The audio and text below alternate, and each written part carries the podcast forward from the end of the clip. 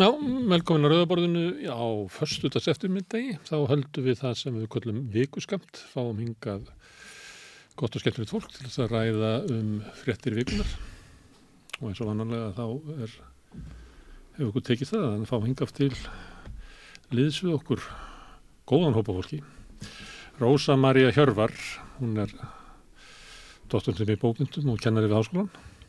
Þór Sari, hann er hagfræðingur og þýðandi. Ester Bibi á skistóttir, hún er bassarleikari en vinnur líka sem á kveilindasafninu. Já, Og Margrét Erla Mokk er margt og við köllum hann bara fjölulista dís. Það er bara nóg. Er nú. Takk. Herðu, það hefði nú einhver orðað við að veri margt í fréttunum þessari viku, þetta veri stór og mikil fréttavika. Ég veit ekki. Hvalir voru svolítið ábyrrandi. Hvalir eru stórir.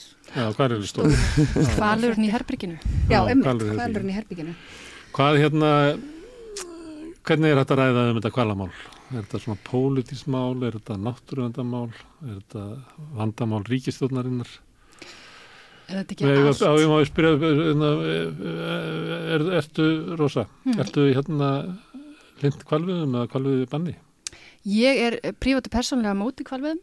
Já, Ég hef svo sem ekkert alltaf verið það. Mér finnst ekkert neginn vera tímaskekkja að vera, já, sérstaklega þegar maður hefur svo orðið upp, eða upplifað hvernig þetta er gert og svona, ég sé bara ekki ástæðu til þess að vera að halda þessu, halda þessu til streitu. En, en svo er þetta, við myndið þess að segja, þetta er svo flókið mál því að mm, því að maður er auðvitað bara eins og ég, ég er bara prívat og persónulega væri mjög glöð ef við myndum leggja þetta af um, og finnst þetta svolítið veikburða þetta sem kom núna hvað var það, ég gæri það fyrir að dag þetta svona ski, þetta skilirta leifi eða hvað við getum kallað já, skiptum það að fara námskeið og svona. já og eitthvað veri, þarf að vera bjart og eitthvað svona en það líka eitthvað bara ótrúlega styrlað við að þetta sé stóra málið akkurat núna sem bara sjálfstæðis já, sjálfstæðismenn séu tilbúinir að sprengja allt í loft upp út af þessu máli og þetta séu stóru svikin einhvern veginn.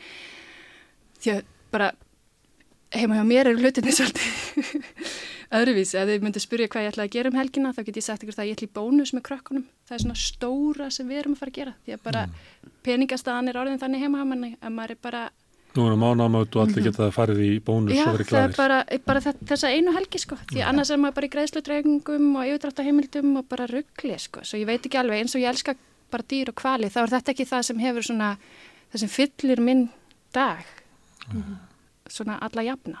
Hvað séum það? Að þetta sé svona, Al- við hef, hefðum átt að vera að ræða um eitthvað annað. Já, algjörlega, sko, þetta er svona ákveðið svona hérna og einhvern veginn upplýmaðu líka að þetta sé eitthvað svona mál sem er einhvern veginn það langt í burtu frá báðum ríkistjórnarflokkonum að þeir geti svona bitist um þetta þetta sé bara eitthvað svona, þetta er hann upp í kvalferði og, og, svona og við getum hend alltaf aðtiklinni þangað en á sama tíma þá er núna komið fram að það eru hérna að þetta mun hafa líklega áhrif á kvikmyndaðinaðin hérna á Íslandi sem er nú aldeilis búin að hérna búin að blómstra og er hérna yðnaður sem hefur tekið þau líka elju að byggja upp. Og þar er einmitt sko Þú veist, og líka ef við horfum á bara, hérna, þú veist, eitt af vandamálunum er til dæmis hvaða er erfitt fyrir krakka sem að hafa alls konar aðteglisbann að, hérna, rekast í námi. Og við, við þekkjum það alveg í kvikmyndagerun, þar blómstar þetta fólk, þetta fólk sem að hefur, getur haldið miljón boltum á lofti og, og hérna, held sér í verkefni í stuttan tíma og bara er í rauninu okkar svona farandverka fólk. Það voru líka svona aðti hátistrákar alltaf í kvalnum í gamla þetta, allavega í myndinni Já, hans Friðriks Þú veist þannig að hérna, það er spurning svona hvað maður á að gera. E, svo varst mér líka mjög fyndið sem að einhver hendi fram á Facebook eitthvað, já ég minna þá þarf náttúrulega ríkistjóðun að borga tilbaka kval en kvalur virðist vera búin að vera reikin með tapi þannig að ef að ríkistjóðun á að borga tilbaka þá þarf kvalur í rauninni að borga tilbaka Já, þetta er svona, það, já, þetta er svona ef við ætlum að fara hlutvall sko. að þannig að hérna, en, en svo er það líka með þess, þetta, þessi tak, þetta takmarkaða leifi, maður velti líka fyrir sér hvernig á að fylgja því eftir, veist, er fólk til að fylgja því eftir? Nei, uh, veist, hver eru refsingarnar? Engin veit það, þú veist, það er í, í lögunum þá á að borga eitthvað sektir í silfur krónum. Í silfurkrónum? Já, þetta er svo gömur lög sem Já, að já. eru byggðar á að það á að borga í silfur krónum held ég 130 silfur krónur Geggjað, geggjað. og nú er, eru er bara menn upp í, upp í, upp í seðlabanka að reyna að komast að því hvað er sektin 130 silfur krónur Einmitt. Er þetta verðtrygt? Er þetta verðtrygt? Hvað er þetta í bónuskortum, segir Já, ég veit ekki. Já. En hérna, já, þetta er svona, En, en uh, ertu hlind kvalviðum eða kvalviðum? sko ég segi það sama á Rósa, ég var alveg hérna einhvern veginn með svona, hérna engarskoðun á svo lengi vel eða svona og fannst þetta ekki snerta mig, en, en núna er ég á móti þeim, bara út af því sem hefur komið fram, bara hvað kvalir eru mikilvægir í bara að binda súrefni og, og hérna, og hvað eru mikilvægir fyrir visskerfið okkar. En er það ekki líka svolítið þannig að þegar fúlukallanir í sjálfstafloknum fara að uh, berjast fyrir ykkur máli, þá verður maður svona automatist á móti því. Ég þekki bara marga fúlakalla í sjálfstæðarfólkum sem eru ekkert alltaf fúlir, sko. Þú veist, hérna... þeir, kalla sér þetta sjálfur, sko, ég er ekki. Já, já, já, og, einmitt og sýnir þá að þeir hafa húmor fyrir því, sko. En hérna, ég, nei, nei, þú veist, Nei, það er ekki það, þannig. það er ekki það, sko. Það er, þú veist, það, mér finnst þetta einmitt, þú veist að spurja á þann, er þetta pólitíst mál, er þetta ríkistjórnumál, er þetta hvað? Mér finnst þetta bara miklu, miklu, miklu starra en það. Ef við ætlum að tala um bara, það, það er, þú veist, það er Þannig að þú veist, það er hægt að skoða þetta í pínulitlu samengi, það er hægt að skoða þetta í stóru samengi og svo er þetta líka það, bara að manni finnst ofta að hérna, ríkistjórnir þær hugsa bara eitt kjörtímabil þegar vættum kannski verið að hugsa hundrað ár. Já. Bibi, þú ert ekki með kvalviðum með það? Nei, ég er bara mjög á mótið þeim og ég hef aldrei skilið af hverju við erum að veiða hvali. Ég bara botna ekkert í þessu. Og ég get ekki tengt þetta við neina tradition eða hefðir á Íslandi. Þetta voru norðmenn sem voru að veiða hérna mest meis. Íslandingar kannski náðu einn og eittir hefnu eða einhverju smá kveli eða börðust um rægin sem rák á land og það er kannski okkar hefð. Berjast með hræ. Berjast um hræ. Það er náttúrulega kvalviðin á þetta voru norðmenn sem kom hingað fyrir vestan og svo þegar veitist Já. ekki þar þá fóru þeir uh, Austur. austur og svo þegar þeir hætti að veiða kval þá bara fóru þeir sko. Þannig að þetta er aldrei verið hluti af ykkur íslensku Nei og þetta er bara sögu. tóm steipa og við erum ekkert vunni að borða þetta heldur en það er allur, hérna, allt kjötið sendt til, útlanda og einhvern tímann heyrði maður að því að það væri allt fast í einhverjum fristigámi eitthvað staðar, það seldist ekki einu sinni út, í útlandum Ég borðaði kvalkjött Ég Ég var í Já. og þá þurfti að spara og þá var hérna kvalkjött og svo voru allir með leiðir á því og borðaði ekki neitt þannig að þá kom re hérna, reykt hrefnukjött var í matinn. Og svo vildu krakkarnir ekki borða það en þá var það einn daginn þá var hérna kjött í raspi sem að þótti vera svona spennandi nýjung.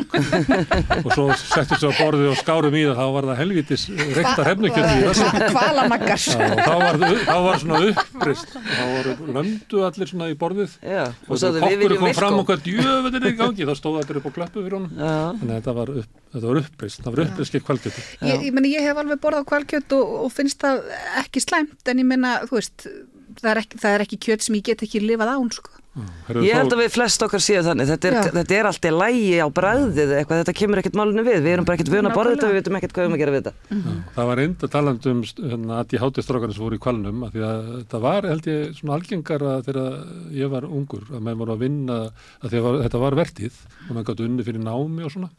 Og þegar þau komum hausti þá komum þeir oft með það sem að kalla tailmeat sem er svona alveg aftast í, í, við, við hérna, Spyrtlan. sem er rosalega mjúkt og gott kjött og þá var, var maður látið borða það rátt sko þegar mennindi komu að vertiðinni Já, en þú talar um ADHD strákana, en ADHD stelpunar þær þurfa líka sitt. Ah, Herðu Þór, Já, svo kom ekki ljós að ég mér hefur mistikist að manna þáttinn. Að þá verður þú eiginlega að vera fylgjandi kvalveðum já, ég, ég verða að bregðast í því. Ég var svona, hafði enga skoðun á málunni í mjög langa tíma. Ég meina, ég var sjómaður sjálfur í tíu ár og, og, og ég hef séð kvali út um öll heimsöfin Já. stökkva, þessa steipirreðar og skeppnur hafsins stökkva upp og þetta er eitthvað stórfenglegasta sem hægt er að sjá. Og, og svona undanfærin ár, bara svo tilhugsun að, að sko það muni hverfa vegna þess að það eru dýrategundir sem að sko útrýmast á hverju einasta ári allt í kringum okkur út af, út af yfirgangi mannsins að það er bara hræðileg tilhugsun og, og, og þess vegna get ég reynilega ekki verið með kvalviðum bara vegna þess. Það skipta Íslendinga engum máli efnahagslega. Uh, mér finnst þetta að vera svona byrtingamind þess hvað íslensk stjórnmál eru í rauninni ónýtt og, og einhvern veginn hallarisleg sko, hvernig, hvernig menn leifa sér að, að eigða endalausum tíma í, í pegs um þetta sko. Og svo kemur Svandís með þessa reglugerð sem að hérna á að stýra þessu máli einhvern veginn en hún tekur ekki gildi fyrir en 18. september þannig að út. þeir bara fara út um leið og lægir eftir helgi og hérna og, og svona þetta er bara eins og ég segi mér finnst þetta að vera sorglegt dæmi um á hvaða plani íslensk stjórnmál og íslensk umræða að- hluta til er ég meina eitt þingmaður sjálfstæðisflokksins held í fram í gær að að kvalveðar standi undir velferðakerfi Íslendinga þeir, þeir, þeir eru Vilhjálmur Odnarsson ég meina þetta er fólk að þessu kaliberi sem er að taka þátt í þessari umræðu og þetta er náttúrulega bara einhvers konar dreggjar vitsmunalífsins sem eru þarna í gangi því miður sko. Herðu, en þið ég ætla að leggja fyrir ykkur þraut. Hvernig eh, get ég útskýrt fyrir ykkurum hérna ákvarðanir Svandísar Svavaðsóttur sem að bannaði kvalveðar í vor en leiði þar í höst? Þetta gengur ekki upp, það er bara þannig. Þessi, þessi reglugerð eh, sko og þó hún hljómi eins og það sé verið að taka eitthvað á málunum þá tekur hún ekki gildi fyrir en, fyrir en uh, 18. september. Þannig að hún hefur akkurat ekkert að segja og, og henni hefur náttúrulega bara verið stilt upp fyrir ekki í þessu máli, það, það lítur ekki út fyrir neitt Þannig annarkort voru reglugerðin núna mistök eða reglugerðin höst. Það Ég að- Nei, ég held að Já. mistöki séu bara einfallega það að það er of langt sumarfrí hjá stjórnmálumannum. Ég held að það séu mistökin. Að það er ekki hægt að eiga umræður og það er ekki hægt að setja í gang alvöru hluti að því að það er bara, það eru ráðuneyti í fríi og það er alþingi í fríi og það er ekki hægt að taka umræðuna og það er ekki hægt að einhvern veginn forma þetta Það nógu er vel. búið að vera að deila um kvalveðar síðan sko 1984 eða eitthvað. Já, já, en ég meina, þú veist, Hvenær er hérna... er nöðsilegt að skjóta Hvenær, hvenær var Já. Benedikt Erlingsson að hlekkja sig við einhverju kvalbátin? Muni getið því? Jú, það er hvað, ég tíu, tíu ár síðan. Hann var En- ungum að þá en hann er orðin sko... hókin af reynslu En það er líka sko, það verður rosa áhugavert að sjá því að maður verður að, maður verður að gefa svandísi það. Þetta var leifið sem var búið að gefa út, sem hún reynir að afturkalla og það eru alls konar, þið veitir, alltaf þessar óþjólandi alls konar lögfræði flækjur. Það verður spennandi þegar það þarf að fara að gefa út nýtt leifi. Hvernig, að svo um. Þetta er það sem ég ætla að segja, Já. ég vil gefa Svandísi nokkur rockprygg, hún Já. stóð upp í hárin á þeim og er að reyna að koma þessu á dagskrá og ég held hún hafi ykkur áformum að gera eitthvað meir í Ég, málunni. ég held hún hafi, geta, hafi gert eins mikið og hún gat með þær forsöndur sem hún hafði á þeim tíma. Það var rosa vinsalegt fundin upp á Skaga þegar það er fátt sem er jaft vinsalt eins og kona sem er yfir kjaftu kalla. Hún ekki var vinsæl. Nei, nú ekki svona Já, alveg, Nú ekki? ég hef ekki orðið verið við það. Nei, mér finnst það rosa gaman þegar Solveig Anna í kastlösir yfir kjaftu við eitthvað kall og þetta er skemmtilegt það sem ég sé. Já, já. Ha, en hún var hérna vakti, hérna þegar hún var á fundunum på Skaga, þá var hún rosa hetja. Mér finnst hún bara hafa haft flotta framgöngu að mörgu leiti í þessu máli. Ég veit ekki allar lagaflækjunar en ég held hún hafi ekki bara getað bannaða frekar núna. Ég held að hafi ekki bara, hún var bara komin út í hot með þetta. En ég vona að hún hafi bara eitthvað fleiri tromp á hendi og ætli sér fle- frekari aðgerðis. algjörlega. Já, algjörlega. Það lítur út eins og hún hafi verið slegið niður en hún kemur aftur. Ég held Já. það, ég held hún sé með eitthvað upp í erminni. Eru þú mittist á Hollywood sem að hótar að hérna slöif okkur? Já, Er, er var, ámar að taka marka á þessu? Hvað, já, ég veit ekki, ég hérna, hvað þýðir þetta? Að- þetta, ég, ég veit ekki alveg hvað þetta þýðir, en Cabrio, en, ef hún verið bóðið að leika Bjart í sumarhús þá segir hann nei. já, nei, það, það er bara það, við erum komið með hvað, fullt af bara brjálæðslega flottum framlýslu fyrirtækjum hérna. Og það er sko þvílík vittneskja sem er komin hingað í Já, já. landið. Og þetta er yðnaður sem er hérna bara stendur heftarlega undir sér, þetta er yðnaður sem að skapar tekjur til langstíma ef við ætlum bara að horfa í peninga sko. Án þess að vera að horfa í sko menningalegt gildi og hérna, og bara hérna virða okkar sem hugsandi þjóðar. Uh, að hérna, ef við ætlum bara að stilla þessu upp með bara hérna monnís fyrir honnís, að þá hérna þá held ég að þetta sé eitthvað sem við ættum að taka marka á og taka alvarlega og, Takk þetta alveg. Ég, Ég- hérna, viðskiptabenninga út rússum er ekki alveg að virka. Nei. Þannig ég er einhvern veginn, Ég er, ég er bara sammála margæti því að Já. ég held að fólk gerir sér ekki alveg grein fyrir umfangið af þessari starfsemi. Þetta er einhvern veginn að koma einhverju Hollywood myndir og já, er þetta eitthvað er svona- ekki alveg í kannski svona ratar Nei, ég, er- ég er ekki að tala, um það, ég er að tala um að, sko, hótunin um það að, boykotta Ísland. Já, Ég veit ekki hvort þú boykotti Nei. en þetta hefur pottit áhrif á hverja, hverja lang, eða ímynd Íslands. Já. Langar fólki að koma til okkar, eru við ennþá einhver svona lítil og sætt eða erum við bara einhverju ógeðslegir frá, frá því að ég mann eftir umræðum kvalveðar að þá hefur verið talað um að ykkur er ykkur staðar í bandaríkjunum ætla að boykotta eitt eða annað. Og fyrst, það voru ferðamenn sem áttu að hætta að koma til Íslands ef Íslandingar stunduðu kvalveðar, það verði ekkit úr því. Uh, bandaríska viðskiptaráðaniti var að hóta viðskiptaþingunum ef Íslandingar held áfram í kvalveðar, það verði ekkit úr því. Og þetta Hollywood dæmi er bara enn einn ángi að því, það, það er engar, áhygg, en- engar áhyggjur að hafa af því. Það er miklu meir áhyggjur að hafa af því bara ef að kvalveðum verður haldið áfram, það þarf að stöðva þær og, og og að vera elda einhverjar yfirlýsingar leikara í Hollywood, Guðminn Almáttugur, ég meina, maður gerði þó ekki annað það sem eftir væri Nei, en þetta ímynd skiptir meira þetta máli í þetta dag en hún gerði áður.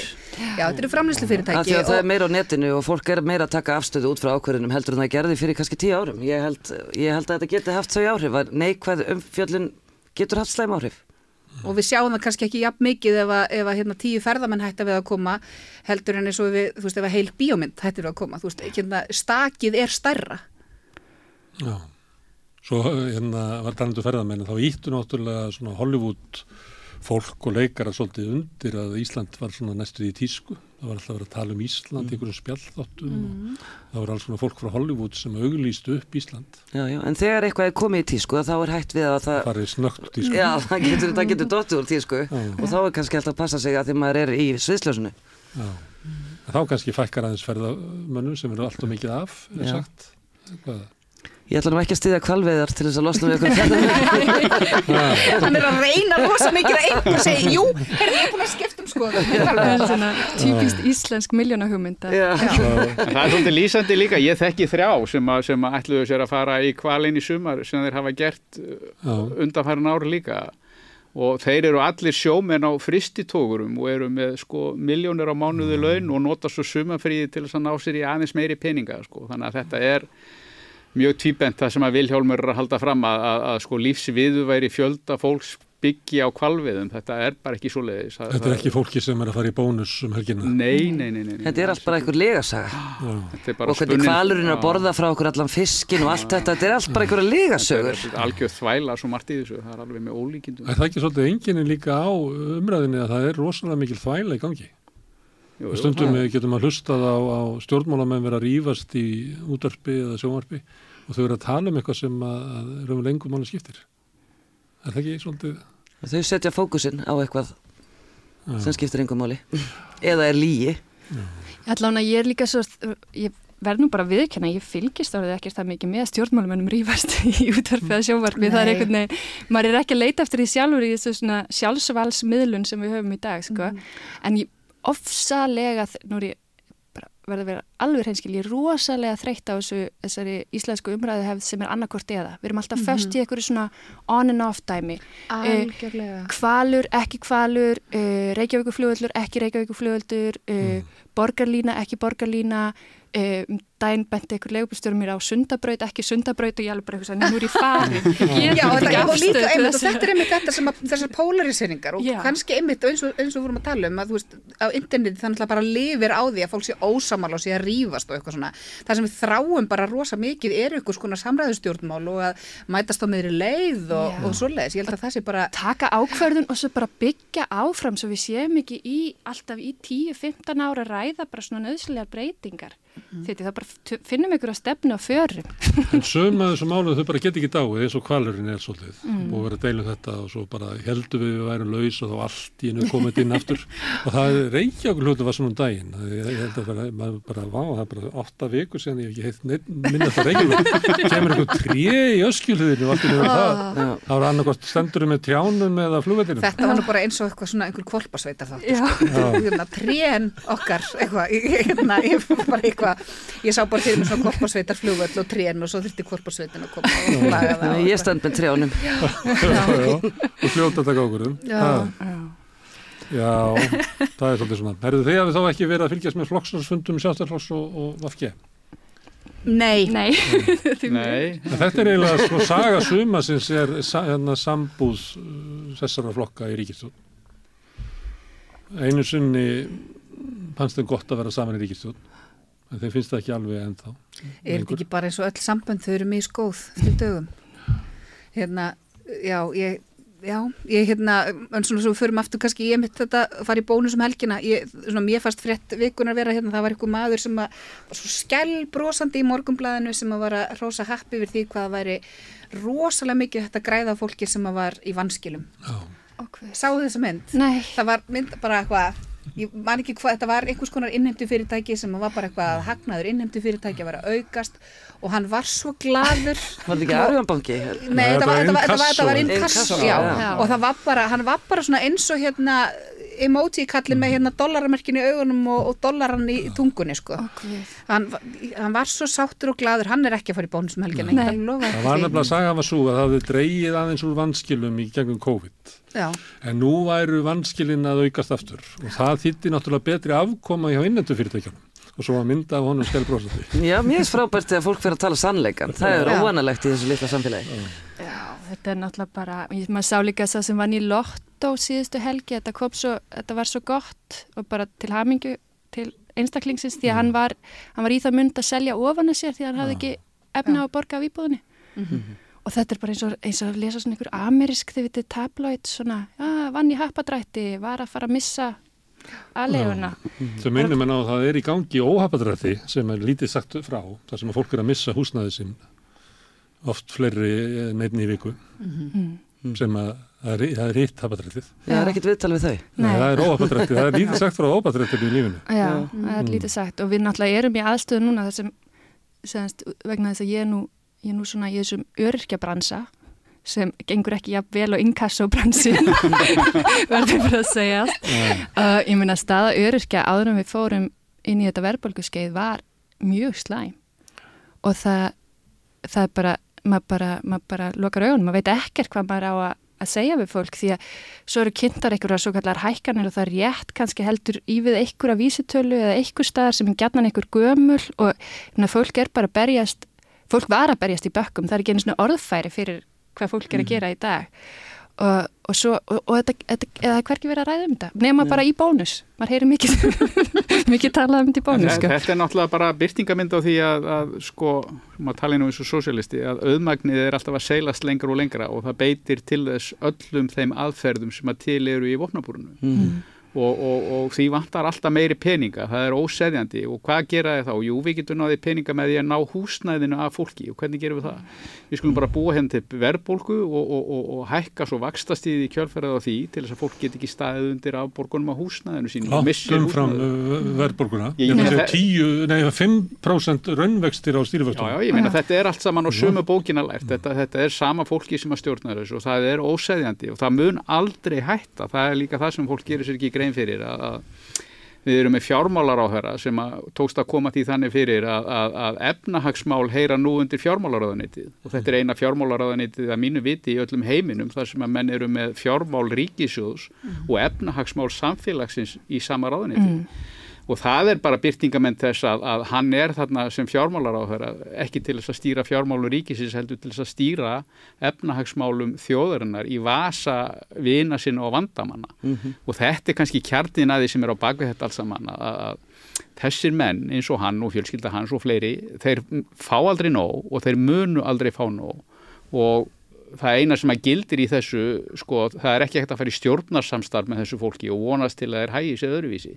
Þeir eru drifnir áfram af einhverjum innri bygglum sem að bara gera það að verkum að þeir get ekki haga sér öðruvísi og það verður bara einfallega að stöðva þetta beinlínis, það er ekki hægt að eiga við þetta neitt öðruvísi og, og, og sko það verður ekki gert ef það má aldrei tala um óhapadrætti sem er í gangi. Nei, nei, og ef við gerum það ekki, þá mun bara fólk halda áfram að missa húsnæðið sitt, fleiri og fleiri og fleiri. Þetta mun aldrei hætta. Þetta er ekki fyrsta skipti sem óða verðbólga hyrðir hér húsnæði að fjölda fólks sko svo þúsundu skiptir. Ég minna þegar ég kaupi mína fyrstu íbúð á sínum tíma í kringum 1982-3 og þá, þá er það sem að þeir aftengja uh, vísitölu launa og en leifa vísitölu lána að halda áfram og allir mínir jafnaldrar, hver einn og einasti misti allt sitt. Þetta endur tekur sér í hruninu aftur, alveg nákvæmlega sama og þetta er að endur taka sér núna aftur í þriðja skipti á, á sko 40 árum, alveg nákvæmlega sama. Og það er ömurlegt að horfa upp á þetta að, að, að En, en sko eftir höfðunu dansa limitnir og Íslensk stjórnmál eru bara ónýtt og gjössanlega síðlaus Mhm. og, og, og, og, og restin af samfélaginu haga sér í samræmi við það, því Við miður. vorum um þetta að tala um það, ég og vini mínu bara um daginn að uh, ég er fætt 84, verð 40 á næsta ári og svona mín kynnslóð hefur einhvern veginn aldrei fengið sjens á húsnæðismarkanum nema þú eigir alveg þvílíkt stert bakland sem að getur hjálpað þér. Það er, þú veist, að, það er svolítið þannig að mín kynnslóð er núna fyrst að geta keft sér sína fyrstu eign að nálgast fertugt, kom með, þú veist, tvö, þrjú börn, komin á hjónaband nummer tvö og það er núna sem að vera með eitthvað, herri, ég get fengið svona fyrstu kaupa hérna fríðindi og maður er bara eitthvað, ég er að fara á breytingarskeiði, sko, bara, þú veist, þetta er, þetta er fáránlegt. Þú ættir að vera að klára að borga af húsnæðstánunum. Einmitt, núna ætti ég að vera hérna að klára og, og Mm. þú svona, og þetta er líka ástæðan fyrir því að þú veist að mín kynslu hefur dreig, þú veist, dreigð úr barnegnum, hérna það er allir svolítið svona, hérna, seintaðegnast börn og allt þetta, því það er bara, maður er búin að vera í hamstrahjólinu, bara frá því maður kom út á vinnumarkaðin og einmitt, og svo núna einmitt er fólk búið að kannski kaupa sér fyrir kannski einu, tveimur árum og það er bara alltaf pff, springa, það er bara, hækkunin á lánunum er fáránleg og það er bara enn og aftur verið að draga úr séns þessara kynsluðar. En við höfum aldrei haft það eins gott, segir Bjarni. Við höfum myndist á hann. Já, Ég ætla ég að því. Já, Bjarni frábær. ég trúi því alveg að hann hafi aldrei haft það eins gott. Já. Já. Bara mikil hammingja og lítið áhyggjum. En það er sem segi, ég, ég, ég, er, ég hef ekki persónulegar áhyggjur, en það er svona einhvern veginn, svona kynsluðun mín er að upplifa svona mikla frustrasjón í, yfir þessu ástandi allavega. Já. En það er líka svo að það er náttúrulega ekki eins og Bjarni standi einn að þessu, ég meina hann og, og, og þessir menn hafa alltaf verið bakkaður upp af öðrum stjórnmálaflokkum á Íslandi og það er Já. líka það sem að er, það er ekki eins og Vafki eða Framsókn viti ekki hvað er í gangi. Þau bara ákveða að taka þátt í því með því að styðja sjálfstæðarsflokkin í þessum óhæfuverkum og, og, og, og allir flokkar á Íslandi, eða það sem að ég er svona venjulega kalla fjórflokkin, þeir taka þátt í þessu, alveg hygglaust, bara gegn því að geta fengið smá völd sér til handa. og Hver eru völdina? Því að nú standa svolítið spjótin af afki út af þessu ríkistóndarsamstarfi og til þessu kvalamálunum Mhm. að þá geta það ekki stoppa kvalverið, það geta frest, komið út til svona frestaði þrjámáni. Það er svo, hérna, það geta ekki breytt neinu, það geta svona aðeins dreigið úr skadanum. Hva, hvert er, hvert er hérna plan vafki í þessu stóndarsamstarfi? Hvað ætlaði að fá út úr þessu? Það er ekki neitt plan. Það er ekki neitt plan. Nei, Menna, ertu er með bara- plan eða þú ert í sambandi með einhverjum sem að veður bara áfram og, og hérna hefur alltaf einhvern veginn bakkað yfir fólk og, og þú veist, Það er- bara hvaða plan hefur, bara að lifa af til næsta dags. Bara, Þau samþykja dagskrá hérna, sjálfstæðisflokksins í þeirri von að þau geti haft áhrif á einhverja X og X og X málaflokka en ég get ekki alveg séð það, að þetta sé, þau sé að fá mikið fyrir peningin sko. Það er svolítið skrítin afstæð að koma inn, ekki til að breyta neinu heldur bara til þess að tefja mesta skadan eða, eða Sko, sko ég sé alveg Þetta er að bönnuð Vafki plast. Já, ég sé alveg að Vafki við hefum aldrei með, haft meira plast, sorry. er með fullt af plönum sko, það er alveg uh, mjög mörg hálöfði stjóðgarður, má við Eh, það? metnað full plön einmitt á mörgum sviðum og til dæmis hvað varðar almannatryggingar og alls konar. Það kemst bara aldrei neitt áfram. Það er bara aldrei, þú veist, þetta verður alltaf einhvern veginn bara við nefndir og hugmyndir og svo leiðist því að það er einhvern veginn stoppar allt hjá, hjá ákveðnum ráðuneti sem verðist hafa, ha, halda vel um taumana. Svo það er, svo maður náttúrulega, maður bindur vonur um það að það komi eitthvað út úr öllum þessum metnaðfullum hugmyndum en ef, ef, ef umræðan næst næstu mánuð verður bara um það hvort þessi ríkistjórn haldi yfir höfuð samstarfi áfram, þá erum við ekki að fara að komast neitt á dýftina í neinum öðrum málum. Og það er bara svo mikilvægt að við förum að komast upp úr þessum farfi og fara, fara bara að leysa hluti. Og Nei, það er líka hluti sem allir eru sammála um sem sitja á hakanum sko, því að það er alltaf bara að vera að rífast um eitthvað af eða á eitthvað Já, já. Er ekki komið tími líka einmitt þess að segja, nú verður það að fara bara eitthvað að gerast. Já. Við viljum ekki eina Það glæru ó- sjó frá Sigurð Inga En það er bara um, svo um húsnæðismál. ógeðslega erfitt. Farðu, fá, fáðu bara maður- og farðu að byggja. Já, einmitt, en það er líka svo erfitt að, hérna, maður getur alveg ímynda sér að ef maður væri í þessum, hérna, bara ef maður sæti í þessar ríkistöð, þá er maður bara, ok, hvar á ég að byrja? Þú veist, það er bara, þú veist, á hverju ætlaði að byrja? Já. Bara af þessum miljón verkefnum sem að okkur finnst, það þurfi einhvern veginn að taka til og laga og allt þetta, bara hvar á ég að byrja og hvað tekur það langan tíma? Ég held að þetta sé bara venjulegu fólki gjörsamlega ofviða, sko. Ein- þau fundu hvar þau átt að byrja þau ætla að útísa flótta fólki já. Já, já, það var einn lausnin. Já, en það er eins og líka bara í hjónabandi að maður er alltaf að rífast um hvort maður eigi að vera saman Mm þá Einmitt. er maður ekkert að komast mikið lengra í hlutunum og þannig að, og já, þetta er bara, þetta er, eins og erum við ekki með fullt af metnafullum markmiðum um í lofslagsmálum?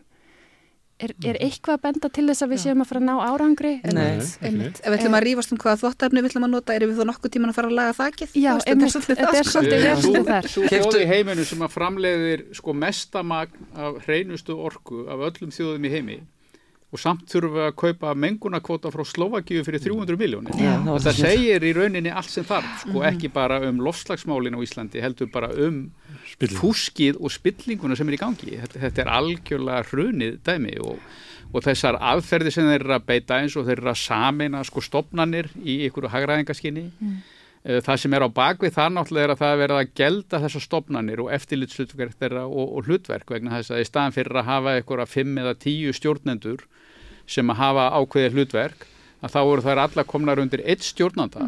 Og svo eini sem að þú þart að stýra sem þá ráðherra er einn maður í staðan fyrir að þú þart að reyna að vera að valda einhverja tíu, tíu vismunandi manns. Og, og, og þetta er hluti af því að það er verið að, að færa alla stjórn á öllum sviðum í hendur fárra manna sem að eru þá stjórnmálamenn. Og það er bara mjög vond vegna þess að það er til eitthvað sem heitir fagmennska í stjórnsýslu og henni er bara búið að henda út um gluggan.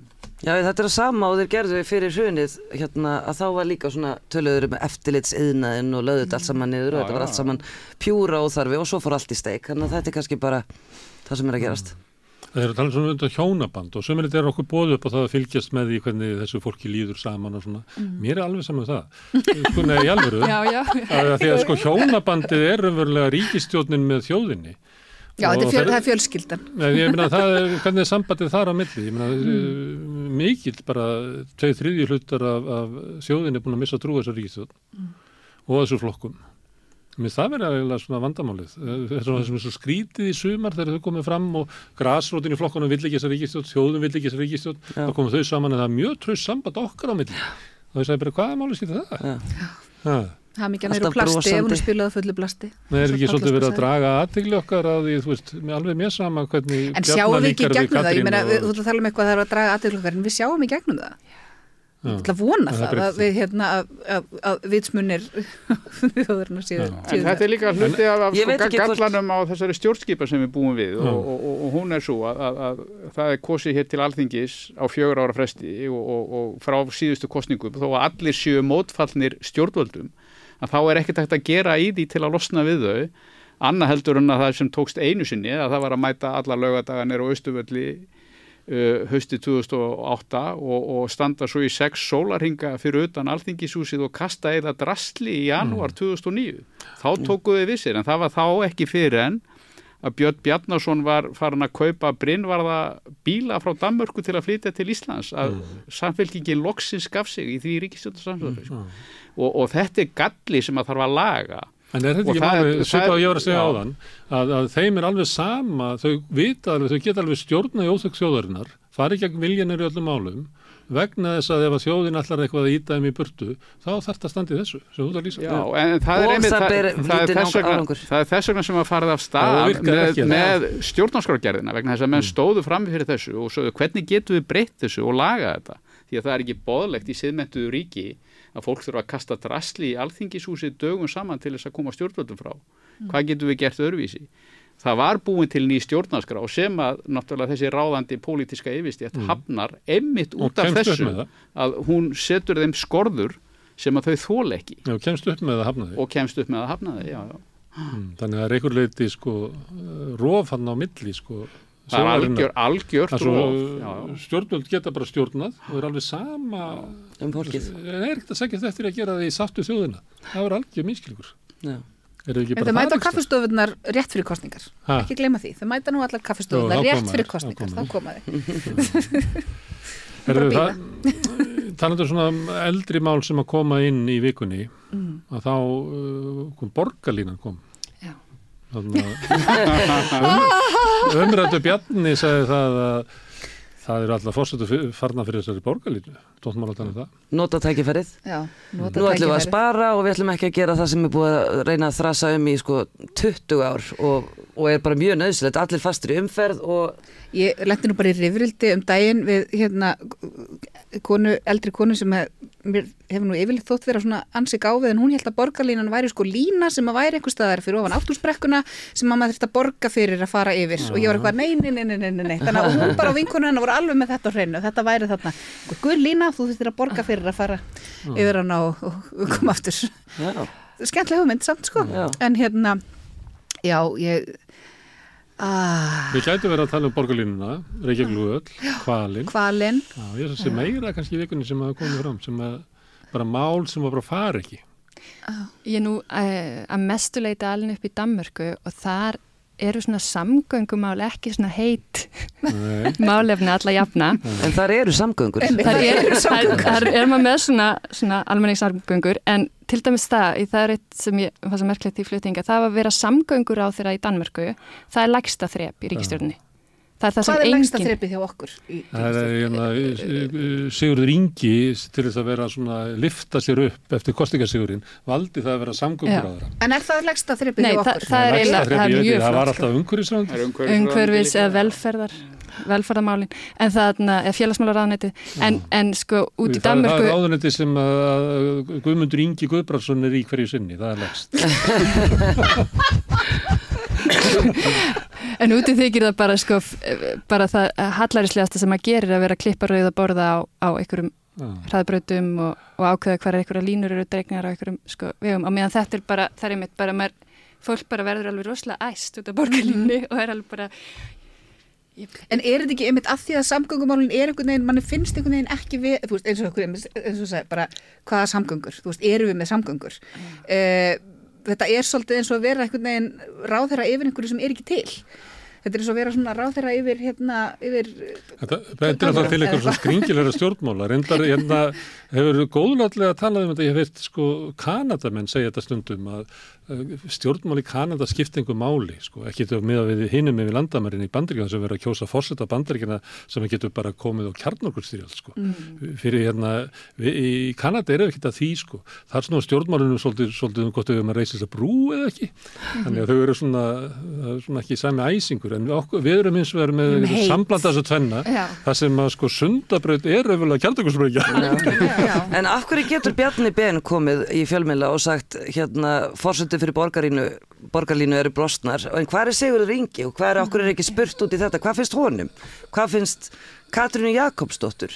Já, Ég held að hann hafi nú bara verið að tala svolítið inn í sinna eigin flokk af því að það eru margir þar sem eru á mótið þessu. Þetta eru en náttúrulega það enga er- bílar. það En er- hvernig getur við verið á sko. móti bættum samgöngum? Hvað er, þú veist, hvernig Þeir er halda þetta bara að það hægt? kom einhver og taki bílana af þeim í staðin, Já. í staðin fyrir að sjá eitthvað, nei, nei, nei, ef að fjórir fara frekar í strætó, þá er meira pláss fyrir þig og bílinn þinn. Já. Þú veist, það, það Þú eru fljótar í vinnuna og vinnuna eða hvað og, þetta og, er. hérna, og get, mátt velja en þú veist, einmitt, þetta snýst um valið. Þetta er þetta snýst er um ekki fleira, bara- meira var Þetta er ekki bara, ég ætla ekki að taka strætó, þetta er líka bara, þú mátt ekki Já, taka þetta er náttúrulega það. Og flokkur sem yfirleitt tala fyrir þvílíku frelsi. Bara, En það er nú vonað að er rætist úr þessu, sko, nú, nú þegar sjálfstæðisflokkurinn er komin yfir þetta borgarlínu fyrirbæri og þeir eru búin að planta sér í allar stöður í þessu borgarlínuverkefni, Átni Mattísen Já, og, og Davíð og,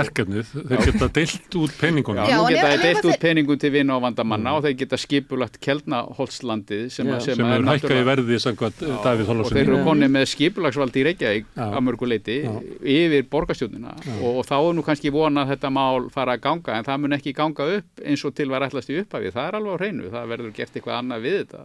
Peningin. það mun, það mun heita borgarlína áfram en hún verður með ykkur um öðrum hætti heldur en bættar almenningssangöngur, ég er ansið hrættur um það. Já, já.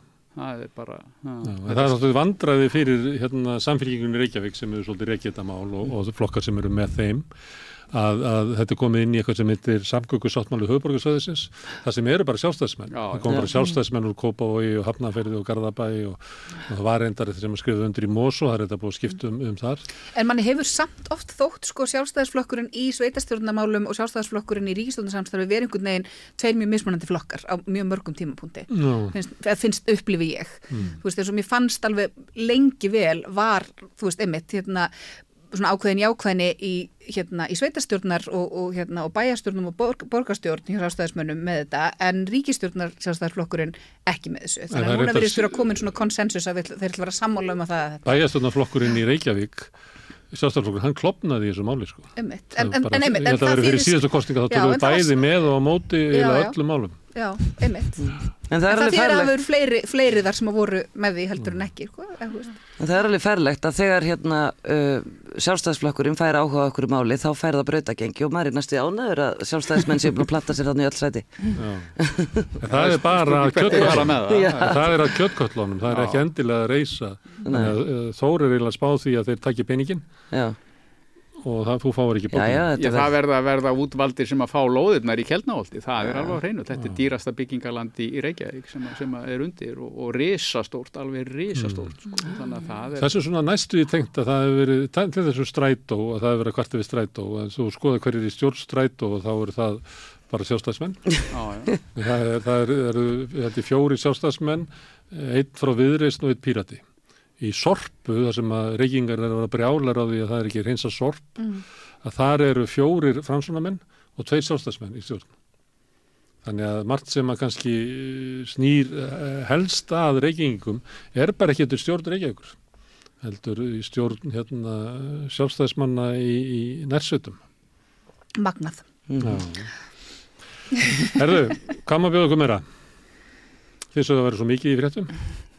Hmm, við Það er ekki um Það er koma, það er koma vant viður. Já, rosalega vant veður. Þeir segja mjög þó veður. Er sem að það ekki frétt núna vegna þess að það búið að vera svo gott viður. Einmitt, það er líka bara hérna einmitt, þegar Þór Sari skiptir úr derhúinu í, í hérna Vesli Snæps þá koma lægurnar. ég skipti, skipti um húi í morgun, það ferða að blása svolítið á hérna, Mm. þetta er húan fög, hérna, Já, En það er náttúrulega sko eitt stórt mál var, var þetta sem að var, var hérna sektin á samskip og þetta er náttúrulega búið að vera rauðu þráður í íslensku viðskiptalífi innan gæsa lappa í, í minnstakosti hálfa öld. Og það er þessi fákeppni já, sem heldur hér uppi öllu vöruverði á öllum sviðum. Ég meina við erum með sko byggingavörur eru helmingi dýrari heldur en í nokkur öðru landi, tryggingar eru allar helmingi dýrari, flutningar til og frá landinu, flutningar innanlands, uh, bara nefna það, matur, það er allt saman miklu, miklu dýrara hér og það er ekki út af einhverjum sér íslenskum aðstæðum sko náttúrulegum, heldur er þetta út af fákeppni í íslensku viðskiptalífi.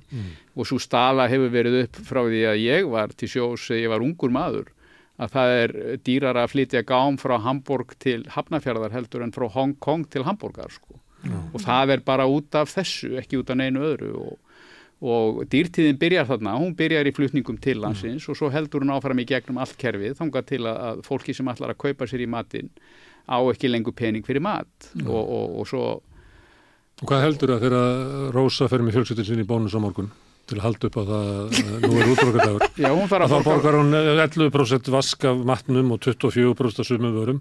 Svo borgar hún kannski 50% álag út af fákjefni. Út af fákefni, já, já, það er bara út af því. Ég meina, hún borgar 4.000 krónu fyrir, fyrir kílóið af þoski, sko, vegna þess að, að það er einhverju sem að flytja hann vestana fjörðum til Reykjavíkur og, og rukka óhóflega fyrir kílóið og það er eh, líkur á því að þau flutningafyrirtæki séu annarkort í eigu samskipa eða eimskipa Sýnist rosa vera að hætta við að fara í bónus á Við erum að eiðalegja hátíðstæði.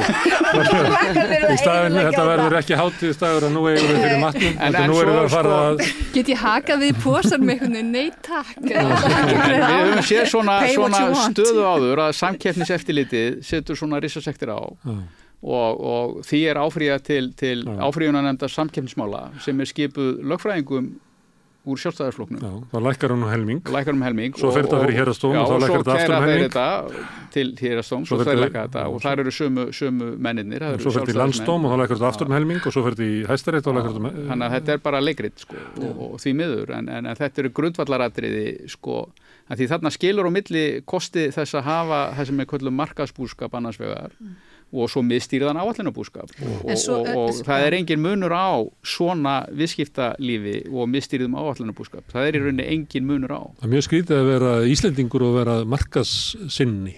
það gengur ekki upp Nei, það gengur En svo er það líka mitt, þú veist, Það er einmitt, ok, svo ok, það, er, það eru lagðar þarna, svo er þetta mitt málið, svo samkefniseftiliti, það leggur hérna, sektir á fólk og, og, og hvað svo? Hvernig ætlar samskipað eiga fyrir þess að sekt? Jú, með því að hækka enn frekar flutningskostnaði. Að, hver er það sem endar á því að borga þetta? Það eru við, það er ekki fyrirtækið. Það er, veist, það er að verðlagi þeirra hækkar þá enn frekar og það lendir á okkur. Það ætti að rukka bara Óla Ólafsson eiganda samskip beint. Ég veit það ekki, ég meina, þú veist, ég, ég, ég veit ekki hver lausnin á þessu er en við þurfum samt að pæla í þessu og samkynnseftiliti þarf alveg að, að horfa, horfast í augu við þetta hverjir eru það sem enda á því að borga brúsan það er En þú ert að segja fólk. að við borgum eitthvað álag út af fákjörninni Já. og svo kemur sektin Já. að þá bætist við sko sektagreislan út af þessu þá bætist hún bara á það sem við erum að borga þú veist, þá er það bara, heyrðu, hækkum þetta um tíkall Já, þeir geta veltinni beitt út af fákefninni. Út af fákeppninni. Út af fákefninni. Þetta, er, er er. spírall sem að hérna og sem við erum að hjálpar fjármegna eftirlitskerfi líka væntalega Eh, nákvæmlega og dóm, dómskerfið og allt sem þarf að nota þetta. þetta er það sem er að en hvað ætlum við að gera í þessu? Hvað erum við að byrja? Fyrir helgarfri. Já, það var nú lengi þumalputtaregla í bandaríkjónum því að þeir náttúrulega áttu svo að þetta væri grundvallarandriði í, í, í bandarísku viðskiptalífi að þeirra fyrirtæki í einhverjum einstökum geira voru orðin fjögur eða fimm eða færri að þá voru þeir bara brotinu upp af prinsip ástæðan. Það skipti engum máli hvort það var grunnur um samráðið ekki.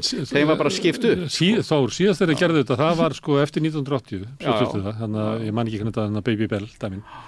En þeir hefur getið gert þetta undanferð, Þeir þegar ekki- hefur sko netið vaksið upp á tíma þar sem að bara sætst við einokun. Já, já. Ég meina að þessi stóru netfyrirtæki eru náttúrulega bara einokuna fyrirtæki Mhm. sem að maður myndi ætla það að bara bandarækja með 1950 hefur bara ekki sætt sér við. Nei, nei, þeir hefur bara ekki- ekki gert Facebook það. og Þetta- YouTube já. og Það verður þarna- Google og allt þetta drast og Það verður hann grundvallar viðhórsbreyting eða Já. hugmyndafræði breyting með, með komu Regans á sínu tíma þegar hann verður fórseti. Þannig að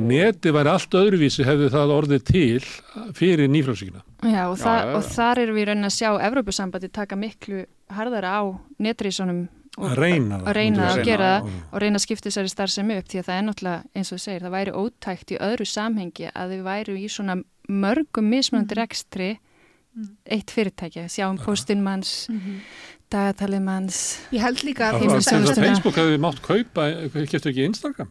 Jú, Jú. og, Hvað sna rugl og það? Snapchat Já. Já, og Já. ég meina, hvað, þetta hefði aldrei verið leift 1950. Já, en ég held líka þarna, þú veist, sé bara einhvern veginn svona, við hugsum ekki eins um þessar vörur og eins og vörur bara sem að við höldum á. Þú veist, það er þetta huglæga sem er verið einhvern veginn, þetta sem er ekki til, sem er ekki hægt að hérna, henda reyður á, sem að við eigum svo erfitt með að meta verðmætið þess og hvaða áhrif það hefur á daglegt líf okkar. Mm. Þetta er svo, er, þetta er svo, þetta er svo, hérna, þetta er svo fljótandi kapitalismi. Herðu, staðista erlendafréttin, það er fórseti spænska fótboltarsambandsins sem kisti fyrirliðan.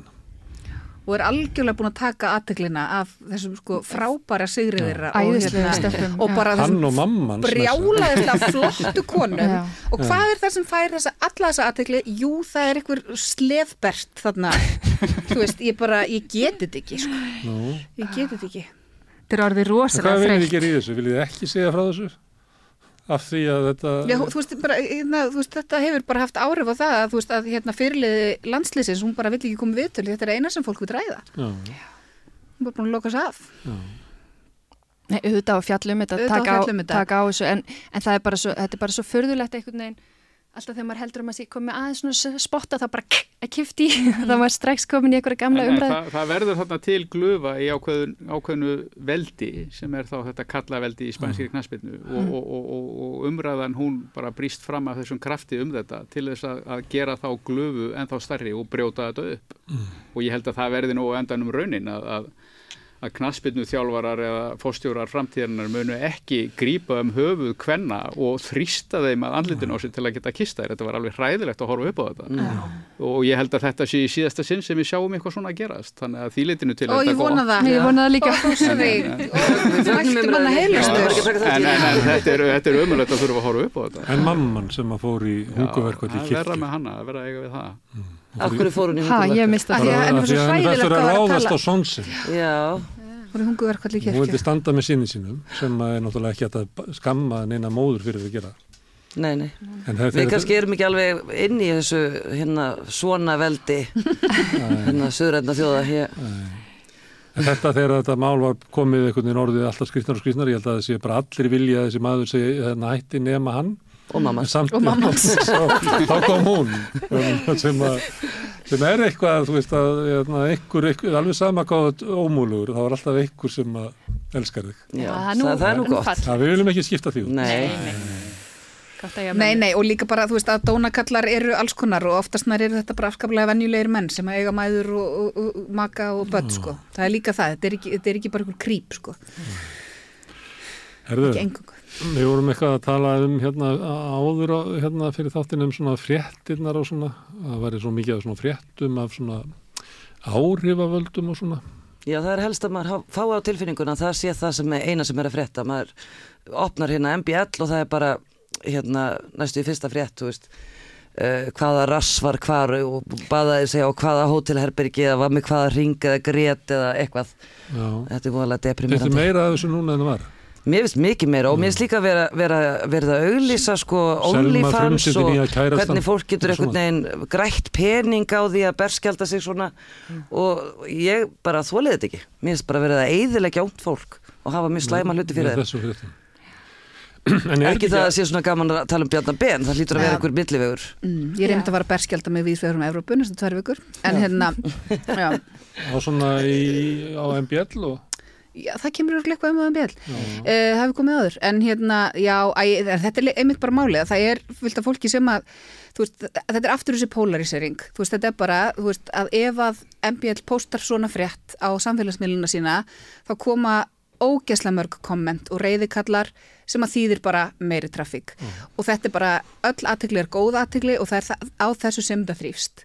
Þannig að þú veist, það þegar, þegar hérna, fólk segir, ég veit bara ekkert hvað fólk þetta er, bara til hamingju, þú gafst hérna fréttamiðlunum 20 klikk, Já. þú veist, hérna þannig að þú veist, að maður þarf svolítið að svona, við þurfum að vera duglega að þú veist, leiði þetta hjá okkur og ég veit Já. að það er óþólandi, þetta er bara eins og hérna, bara eins og ég neyðist til þess að leiða hjá mér íþróttafréttir þegar það er einhver stórmót í gangi. Mm. að þú veist, þetta er bara, ég hef ekki áhuga á þessu og við þurfum bara að vera duglegri að bara vera markvist á öllum samfélagsmiðlum þar sem þetta poppar upp, að bara merkja við.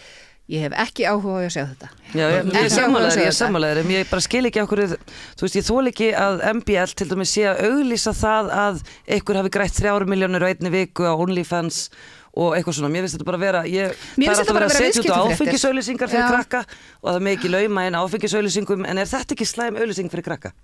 Eða þú Þetta veist, er bara, hvert erum við mér farin? finnst þetta vera að sig viðskiptafréttir. Mér finnst þetta vera, mér þetta vera hluti að því að bara að fjalla um mismunandi hérna, efnahagsstöð, eða þú veist, þetta er bara efnahags, þú veist eða þú veist að græða þrjár miljónir þá er það, þú veist, og ef það eru OnlyFans þá er það, þá er það gjalderistekjur þannig að, þú veist, Já, mér finnst ekki allar tekjur svona að finna góða og ekki sérstafallega þegar að þær eru selja það þetta sem ekki. einhverja frábæra laust fyrir ungt fólk sem ætlar að kaupa sér íbúð getur grætt 20 miljónir á fyrstu vikunni og keftir íbúð. Er munur á þessu og, og, og áður var með sko prentútgáfuna séð og heyrt og þar áður Samuel, Það ég er meina svolítið er munur á þessu af því þetta, að- það er engin eðlismunur á Það er bara að þessu. Ég held að þetta sé alveg sérstaklega ábyrgð á MBL. Ég held að þú ef farið á fórsöðar, þá er svona þriðjungurinn af fréttunum er eiginlega úr smartlandi sem að ég með spenda til þess að það sem að varan sem MBL, þú heldur hún sé að selja sem eru fréttið þannig, það er bara engin að kaupa þær. Þannig ef þeir hefði ekki smartland, að þá væri MBL bara eitthvað smámiðl, sko. Sko, mér finnst þetta Ég upplifði þannig. Já, þeir hefði ekki dána tilkynningarnar og minningagreinar, þá Og væri þeir ekki Smartland. neitt. Sko. Það væri ekki þannig, sko. En mér finnst þetta líka vera, og því að mér- maður tekur líka og bara almennt að hvað bladamenn hafa orðið bákjör því að fréttir eru orðnar svo hraðunar og svo, það er svo lítið í þeim og mjög oft er þetta bara Facebook status frá einhverju mannesku sem ég á að vita hver er sem hefur svo ekki verið haft samband eða bara eins og viðkomandi sæði í Facebook status og Já. þetta er einhvern veginn bara hend upp og þetta einhvern veginn vitna bara um það að það er ekki verið að fjármagna blaðamennsku þarna hjá þessum stóru miðlum að neinu, að neinu ráði. Mist, þetta er svo þunnur 13. sem maður er að grípa í. Maður eins og skammaðist mann sín fyrir að lesa bara yfirskriftir. Ég, það bætir engu við að opna fréttirna þetta byrtingamendi sko eh, ég takk sem dæmi sem að bara er algjörlega nýlegt að, að, að herin í Gabon í Afríku fram til Valdarán Já. Og það var í öllum fjölmiðlum á Íslandi að þetta væri alveg hræðilegt að herin væri að grípa inn í líðræðislega kostningar og Ali Bongo í Bongo. Heyrðu, Bongo. Fjölskyldan í Gabon er búin að vera við völd í Gabon í 55 ár. Síðan 67. það hefur hvergi nokkuð stað komið fram í fjölmiðlum. Heldur bara þetta að, að, að þetta er vond mála því herin er að grípa inn í þeim finnst þetta vond mála því þetta er sko fra, franskt yfiráðasvæði og frakkar vilja halda áfram að hafa völd þarna. Þetta er að sama að gerast í Níger og Mali og viða Já. að þetta snýst allt um, um, um sko áframhaldandi völd Frakklands Kanski finnst Íslandingur þetta sko. ekki merkilegt vegna þess að Bongo fjölskyldan, hún komst til valda hana 67, 1967 var Bongo fjölskyldan við völdi í Gabon og hún er það ennþá. 1977 var fórstisráðurinn á Íslandi af engarættinni, Bjarni Benediktsson eldri, Já, og nú er það líka, þannig að kannski. Bókófjölskyldan bóngofjölskyldan. En talandi um að, að fréttir séu svona einmitt greinandi, segja alla sögun að það er bara frekar sjálfgeft og það var, að því vorum að tala um verðlag að þá var frétt í vikunni þar sem var talað um svo og svo mörg prósent að matvara hafi hækkað og lalalala og matarkarfan hefur verðgáttinn og hvað og hérna, matarkarfan hefur hækkað um svo og svo eitthvað, já. en í sömu frétt kom fram að laun hérna allra eh, þjóðarinnar hefðu hækkað um 18% á síðast ári Launin þín hafi ekki hækkað. um launin okkar flestra hafi ekki hækkað um 18% Nei, það hefur Nei. ekki gerst. þannig að það ykkur, ykkur að laun hækkuðu svo mikið að þau hækka meðatalið um 18% Þeir að tala svona um að það hefði átt að taka það fram. Það væri ágætt. Já, Fréttina séu latar. Það er verið að segja eitthvað. Ég myndi, ég myndi ekki, ég myndi fara valja að ég kalla bladamenn lata því Nei, ef, ef er fólki nennir að standa í þessu þá er það, hefur það brennandi áhugasleis en það er greinlega bara ekkert verið að gefa fólki bara rými til að vinna pressa á vinnuna. og er eru bara- kannski bara fáir álveru já. og hinir eru bara, að þýða eitthvað úr bara allt og Reuters lítið verið að fjárfesta í þessu og, oft líka kannski verið að nota svona og- mér finnst þetta líka kannski, það sem mér finnst líka vera að koma fram í þessu er að það hefur verið dreigið alveg gríðarlega úr eins og tungumálakennslu uh, undanfærin ár og búið að stytta mentarskólan og allt það, þannig að bladamenninir eru að leita í sömu heimildirnar sem eru enskumælandi heimildir. Já. Það eru mjög fáir að lesa önnur tungumál og, hérna, og, og, og taka hérna, og, og bera saman og allt þetta. Mm. þannig að það er bæði hraðin en ég held að þessi líka bara þessi hvað við erum búin að leggja ógeðslega litla áherslu á tungumál. Og svo erum við alveg tilbúin að slá okkur og brjóst og segja við elskum veitir þessi fimbóðdóttur og allt sem hún hefur gert fyrir tungumálin og allt þetta. En á sama tíma erum við búin að draga ofbúslega mikið úr bara hugvísindum og, hérna, og, og tungumálum sem eru bara leikillin að öllu. Þau eru leikillin að bara gaggrinni hugsun og þau eru leikillin að því að við einangrumst ekki hérna og, þú veist, og það, er bara, það eru allir bladamenn að leita í sömu fréttinar af hverju, jú, að þeir hafa ekki valda á fleiri tungumálum heldur en íslensku og ennsku En þeir lesa ekki einu svona ennsku fréttunar almennilega þannig að það er vandamáli Já, er, og líka, þetta er einmitt, hluta og- vandamálin og- ekki og- allt. og líka, þú veist líka það að, einmitt, að hérna, við höfum rosalega hérna, um, hérna mikla hérna, við, við trúum því að við kunnum elsku afskaplega vel en við gerum það endilega ekki eða þú veist ekki, ekki, ekki þetta ná út fyrir sko fjölmjöla, mér finnst þetta ná líka í stjórnmálinn sko, það er svo uh, að hérna, Íslensk stjórnmál sem þetta spegla sig við Breitland sem er bara fáránlegt land að spegla sig í Já, sérstaklega núna. bara meikar enga sens sko, því að það er bara því, svona allt öðruvísi stjórnmálakerfi allt öðruvísi, bara allt öðruvísi land. En talandi um einmitt verkamannaflokkin í Breitlandi Já, að því hann heitir verkamannaflokkurinn að hérna þá var einhver sem að dóa á Íslandi ritari verkamannaflokksins í Breitlandi en hann var lord. Og það er allir all stjórnmála elita að- í öllum þessum löndum er alltaf bara eitthvað lord og þau eru rosalega rík og stjórnmála algjörlega alvöru elita sem gengur í speskóla og dýraskóla og eitthvað svona. Þannig að við getum kannski þakka fyrir það á Íslandi að það fá fleiri að tala. Það var eitt af því sem Blair gerði, hann svona opnaði svolítið lávaraldildina til þess að fleiri af úr hans flokki getur orðið lordar. Já Ég vil vera lord Já, hvernig verður maður það? Mér getur verið lordi Lordi. Lordi. Erðu ég hérna, að þið voru að tala um hérna ástandið í, í Afriku, að, að því ég hef svolítið verið í Tóko, eða var svolítið í Tóko. Mm. Þar er sama ástand, þá var hann Ayadema, hann komst til valda 67 líka og sonur hans er núna við völd og bara er ekki hægt að losna við hann. Og bara fáránlegt ástand. Og þar er það þannig að, að svona fyrir... Ís, Íslenskt ástand í tók Íslensk framtíð. Þar er eitt sem er, hérna, hefur ekki ennþá byrjað að gera hér að þeirra fyrir að líða kostningum að þá svona vita hvar svona hérna, stjórnaranstæðingar búa og þá fer örgislörgla þar inn og lemur fólk fyrir kostningar. Já. Bara, Já. Já, já, bara fer og lemur og lemur og lemur og svo er bara að gengið til kostninga. Er ekki alltaf verið að tala með því að auka í hérna, lauruglinu á Íslandi? Þetta er gert bara til þess að skapa svona ótta og óryggi og að fólk bara- haldi ekki að það sé eitthvað sko, Það hafa eitthvað um málun að segja. að stjórnmálum finnst að vera gott að sé óvissa, óryggi, ótti í samfélaginu. Já, fólk þú, er ekki að tjá skoðanir sínar. Já, já, Eða hafa skoðanir. Berja fólk til liðinu. Þetta var það sem ég lærði þetta eitthvað um, æ, hvað heitir það þegar við, bolludaginn. Mm. Á miðöldum þá var það þannig að maður vakti börnin með barsmíðum. Það var ekki þau að raskella mann með bóluvendi. Þannig var það þegar ég var barn. Já, það var miðöldum, ekki svo gamall. Þannig að þá voru börnin semst, vakin með barsmíðum til þess, einmitt svona, svolítið, til þess að, að að að halda þeim á núlinu. byrja daginn á núlinu og vita að þau væri ekki alveg örug sko.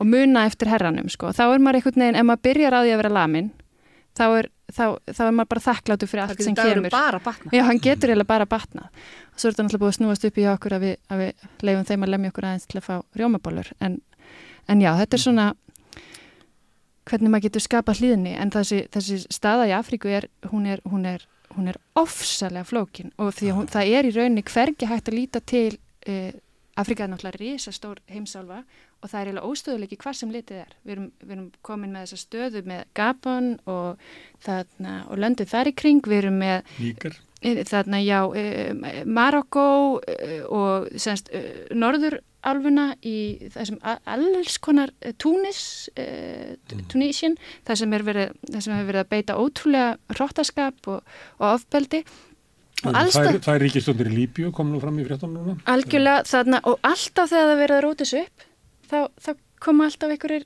gamlar heimsvalda hagsmunir upp úr dúrnum sko, þá Já. dúk alltaf upp einhverjir franskir hermenn eða danir voru í Mali allt í einu, þetta er það er, það, það er svo mikil mikið að gerast þarna sem við fáum einfall ekki nógu miklar fréttir af Það er ekki góðar ellenda fréttir á Íslandi, ég held að það sé eitt Það- af því sem hefur hörnað mjög rætt. Já, við bara vitum ekki neitt. Það er Nei. einstakar sinnum ratar eitthvað lítil klausa einmitt sem segir bara 5% af sögunni. Herðu, þetta er svona slæm staða einhvern veginn, að heyra á okkur. Þetta er allt alveg ferlegt. Fjölmjölandir er ekki náðu góður, stjórnmálinn er eitthvað svona, það er spilling. Þetta getur bara batnað, er það ekki? það, er þið bjarsinn, Eh, er þið bjarsinn. Stundum ég sveiflast alveg rosalega, að ég, ég held ég sé bjarsinn, en stundum þegar ég er að lappa heima þá er ég bara svona rosa svarsinn. Ég vil vera bjarsinn en ég horfi bara á, á heiminn einhvern veginn eins og ég sé hann. Ég meina við sjáum loftlasmálin og hvert þau stefna. Og eh, sko það sem að það þýðir fyrir framtíðina er svo rosalegt að það er bara, maður ávalla til orði yfir það. Já. og, og, og það eru allir að bregðast þar á öllum póstum vegna þess að það er verið að reyna að leysa það mál með þeim aðferðum sem bygguðu það til, það er að segja með þessum aðferðum kapitalismans að menn geti bara keft sig fram hjá menguninni og hu- hugsandi vonandi ykkur tíman verða mengunarkvotandi nógu dýrir að menn fara að minka meira að menga meira þessar lausnir eru svona eins og að, ég. þú veist, hérna, Og- þetta er svona eins og yfirdráttur. Þetta er bara, hérna, þú lendir alltaf í súpunni, sko. Þú veist, Og- og- Hver og hver þetta er, kerfi mun aldrei ganga upp það bara mun aldrei ganga upp og, og, og það verður að spilna við fótum en, en, en það mun heldur ekki gerast vegna þess að bara alþjóða hagsmunir eru slíkir að ég meina oljumálar á þeirra Sáti Arabíu verður yfir næstu hérna, kopp rástefnu þetta, þetta er á því stíin Þetta, þetta er einmitt það sem gerir mig svolítið svona svarsina stundum að það er hérna, það er einhverjir gaurar búin að koma þessu í algjöran Algjöran og svo segjum við, heyrðu, við verðum að leysa þetta. Og hverju, hvernig hefur við að leysa þetta? Látum þessa gaura að leysa þetta. Þú veist, og við erum með þess að lendi þessu bara aftur og aftur. Svo þetta við erum að tala um fákeppni og svona og hérna við vitið allir sem að búa í Íslandi það er bara hryllir við fákeppni hérna sem að bara dregur niður lífskjörin og, og bara eiðilegur bónusferðin á morgun og, nei, já, Já, og sá, þá segja, hvað er að gera í því? Hvað, og hverjir eru því? Það er sjálfstæðarflokkurinn og þeir sem að búa til fákjönuna, þeir sem að eiga og reka sko allra þetta fyrirtækin, að það er hort til þess að þeir eigi að vera að búa til hér virkan markað. Hvað er upplega? En ég er nú alltaf bjart sín. Ég bara, það er ekki hægt, það er engin annar stilling í haustum að mér. Já, hér. hefur farið fram síðan á mið, miðöldum til dæmis, til dæmis. Og það hefur tekið aldrei langan tíma. Og við erum ekki komin í land þannig að ef við ætlum að taka loftlagsmálin á sama hraða þá er alla líkur á því að hér fari allt í fjandans Já, en ég, það, er, það er mikla líkur að því ef við gerum það, en ég hef rosalega trú á unga fólkinu okkar. Og ég hef rosalega trú á líka því að, að, að ef við, við náum að standa saman í þessum málum og tala meira saman og henda þessum bölfuðu snjálfsýmum aðeins til hliðar, þá held ég að við getum gert bara allt sem okkur dettur í hug. Við höfum bara, við höfum allt til þess og við erum svo ótrúlega heppin bara hvar við erum staðsett í heiminum og hvernig við getum leist úr hlutunum, sko, svo, svo það er alveg hægt. Og maður er nú ekki Já, já. stórkostlega hluti. Gerir- Algjörlega. Já og þó að það sé þreytandi allt þetta kvapp og þessi Mhm. einmitt hérna ertu með á móti hérna öll þessi póliሲ og allt þetta endalösa kvap Sundabrautin. að þó sé þreytandi að þá kannski er við samt að færast í þá átt þú veist, með öllu þessu rifrildi Já. að við þurfum að taka samtalið og við erum að æfast í að taka samtalið Aha. kannski Með Já, við æfa ver- okkur við í að verðum tala að um trúa, sundabraut. við verðum að æfa okkur í að vera. Já. Við, hérna, við höfum, við vitum svo margt og við getum svo margt saman og Mhm. hérna og, og það bara hefst með því einmitt að finna tengipunktana og, og Mhm. horfa fram á veginn. Sko. Ok, við erum að tala um umröðina, en erum við sérlega góð í henni? Mér finnst að, hérna, erum, erum við góð í því að tala saman og setjast við borð þótt að við sem er ólík, hérna, ólík afstöðu og ræða saman. Ekki... við erum vondið í og við, þú veist, við verðum alltaf rosalega reið og tökum við mitt með á móti afstöðu og allt þetta en ég held ef að... Ef að En ég held sko bara að vittneskjan um það að, að þú veist, veist, ef að vittneskjan er, Já. við skulum reyna að fara ekki í með þau á móti. Við skulum rey, bara byrja hérna á bara, þú veist, að og fræðast um hlutina fræðast um hlutina, þú veist, ekki, ekki taka ákvörðunina áður en að þú byrjar samtalið, allt Ok. þetta. En Eh, eigum við að leifa hérna, honum loftsinni að skjóta kvalina á meðan að við erum að ræða saman um kvalviðar. það er svolítið það sem að verður reyndin þú Það veist það er reyndin. alltaf að fara til fjandans rétt á meðan Já. en við erum samt að læra að tala saman ég fer ekki á hana því Nei.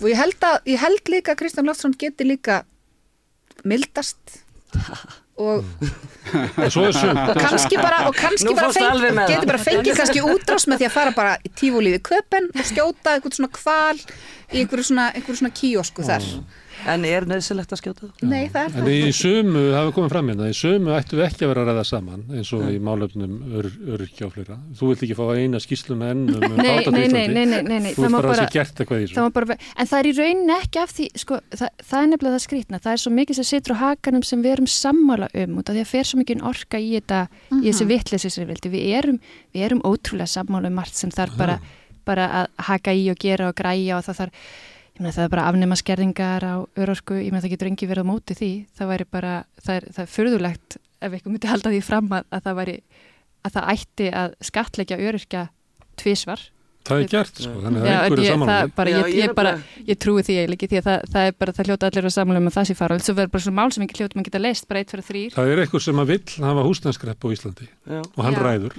Já, það getur, það, get, það get ekki verið margir og það er fólk sem er á móti samgöngum og þeir ráða. sem vilja ekki að ég taki stræti sem umfara mjög sérstakt. og fólk sem hatar að flokka rusl og bara, þú veist, elskar plast og það er fólk er bara það er, Það er til fólk. þarf að taka eitthvað En við komum, komum að því sama fræða sem, þessu, sem við fræða byrjuðum þessu. svolítið á er að, að, að sko það eru stjórnmálinn sem að ráða þessu og þau eru ónýtt. Það bara er Það þannig. eru bara sko. Þau ósamála megin ónýt. hluta þjóðarinnar og er alveg sama þótt að þjóðin vilja fara ykkur aðra leið og þau eru bara ykkur leið. Þau verða að tala við þjóðin og þau verða að kjósa um mál og þau verða að setja hlut á dagskrá að öðru sér lagast ekki neitt. Ertu alveg vissum þetta, Rósa, að allir vilji vel? Í í meiri hluti fólks og svo það bara tala við hinn, sko. Ég hérna, gerði eitt sem að má ekki gera eins og í, í, í svona spjallþætti. Þá var ég með Óla Byrni, var ég á hann Kristjáni á Sprengisandi. Og Óli Bjarni segir þetta, að auðvitað eru við öll að stefna sama markmiði, að öllum líði vel. Og ég sagði, það er bara ekki þannig, Óli minn. Ég held að þið séu bara ekkit að stefna því. og það má ekki segja þetta, sko. En ég bara er alveg á því að það séu bara þeir sem að stýra sjálfstaflóknum eru bara alls ekkit á því að öryrkjum hérna hafi ísjú á. Þeir eru bara alls ekkit á því að allir hafi örugt uh, húsnæði hérna. Þeir eru bara alls ekkit á því að, að innflyttutur geti lært íslensku og þeir eru bara alls ekkit á því að hafa þetta neitt Já. gott. Þeir halda öryrkjar, séu Nei. viljandi öryrkjar. Já. Það er, það er fannst það allt í lagi að ég segði þetta. að vera Ég meina, öryrkja það er þá alveg- staðreind að það vantar mennskuna í fullt af fólki því miður. það, það er vantar bara í kerfið, það vantar bara mennskunni í kerfið, annars væri þetta miklu betra. Já, en, það, það er náttúrulega, en, en það er náttúrulega líka lög í landinu og það er náttúrulega, það, er, það þarf þá bara að fylgja þeim eftir það Íslenska ríkið á að tryggja velferð og og, og, það þarf þá bara að ganga í þau mál. Ég er náttúrulega að bjóða mig fram til að Mm. taka við keflinu í þessum málum, sko, já, ÖBI, en um, og, og, og kannski er ég of bjart sinn, núna áður ég fer vonandi fæ að fara Já. í hittan, en, en manni finnst einhvern veginn svo sjálfsagt að, að fólk sem glýmir við fellanur langvinn vin veikindi og er það sem kallað er ósamkeppnishæft á vinnumarkaði, Mm. Fallegt orð, Já, Að Að það fái að, það fái að lifa og bara jafnvel fara í bíó. Mm. Það er ekki svo. Það er ekki svo leysi í dag og Og þetta er er ros... já, ákveðum að hafa það þannig. þetta er rosalega sorglega stað uh, og við erum alltaf flýt og, og svo er þetta líka svo lítill hópur, það er það sem er svo fáralegt það er, það er ekki, það er ekki, það er ekki, það er ekki fórsvarlegt að þetta sé haft svona, það er ekki hægt að segja að þetta sé muni kosta mikið að gera neitt skapaðan hlut við efnaðskerfið að vera búlguða neitt að, að laga aðstæður þessa hóps sko. svo það hlýtur ég minna, ég trúi bara ekki að neitt sé ósamála því Við verðum að vera bjassinn, Þeir verða bara að hingað. upp. Já, og við erum björnsinn. Í hvað er bónus ætlar að fara á morgun? Ég ætla að koma með. Laugaveg. Laugaveg, já, ég sé þig þess bara. Herðu, það er eiginlega niðurstað þessa hérna, fundar að það er bónusdagur á morgun. Það sem að maður verður að gera sér dagamun stundu Heldur betur, að Þetta er- klæða þig upp. Þetta er Já. eina helgin sem hættir að fara út í búð og finnast það að maður þurfi ekki að neyta sér um allt. Setja slaufu og hundinn og... Já, og við vitum að þetta er fölskumynd vegna þess að þetta kemur í uh, nakkan á okkur þegar það var líða mánuðin. En við nefnum það ekki núna, það heiðum við ekki ánægðana. Það þarf stundum að vera gaman. Já. Herðu, kæra þakki fyrir komuna. Takk. Takk fyrir okkur. Þór og Bibi og Margaret. Og hlustuðu þakka þið fyrir að staldra hérna við á föstudags eftirmyndagi og hlusta á okkur. Þið getið nálgast þennan þátt og fleiri þætti á samstöðum.is, við erum líka á YouTube og Facebook og við erum í útvarpinu 89,1. Þetta er frábær þáttu til dæmis hefnir þeir sem að gáttu stilt á þá útastöð sitandi í umfyrðateppinni, bíðandi eftir borgarlínunni og gáttu hlustað á þann jákvæða tón sem er hér á slegin. En ég segi, ég segi góða helgi.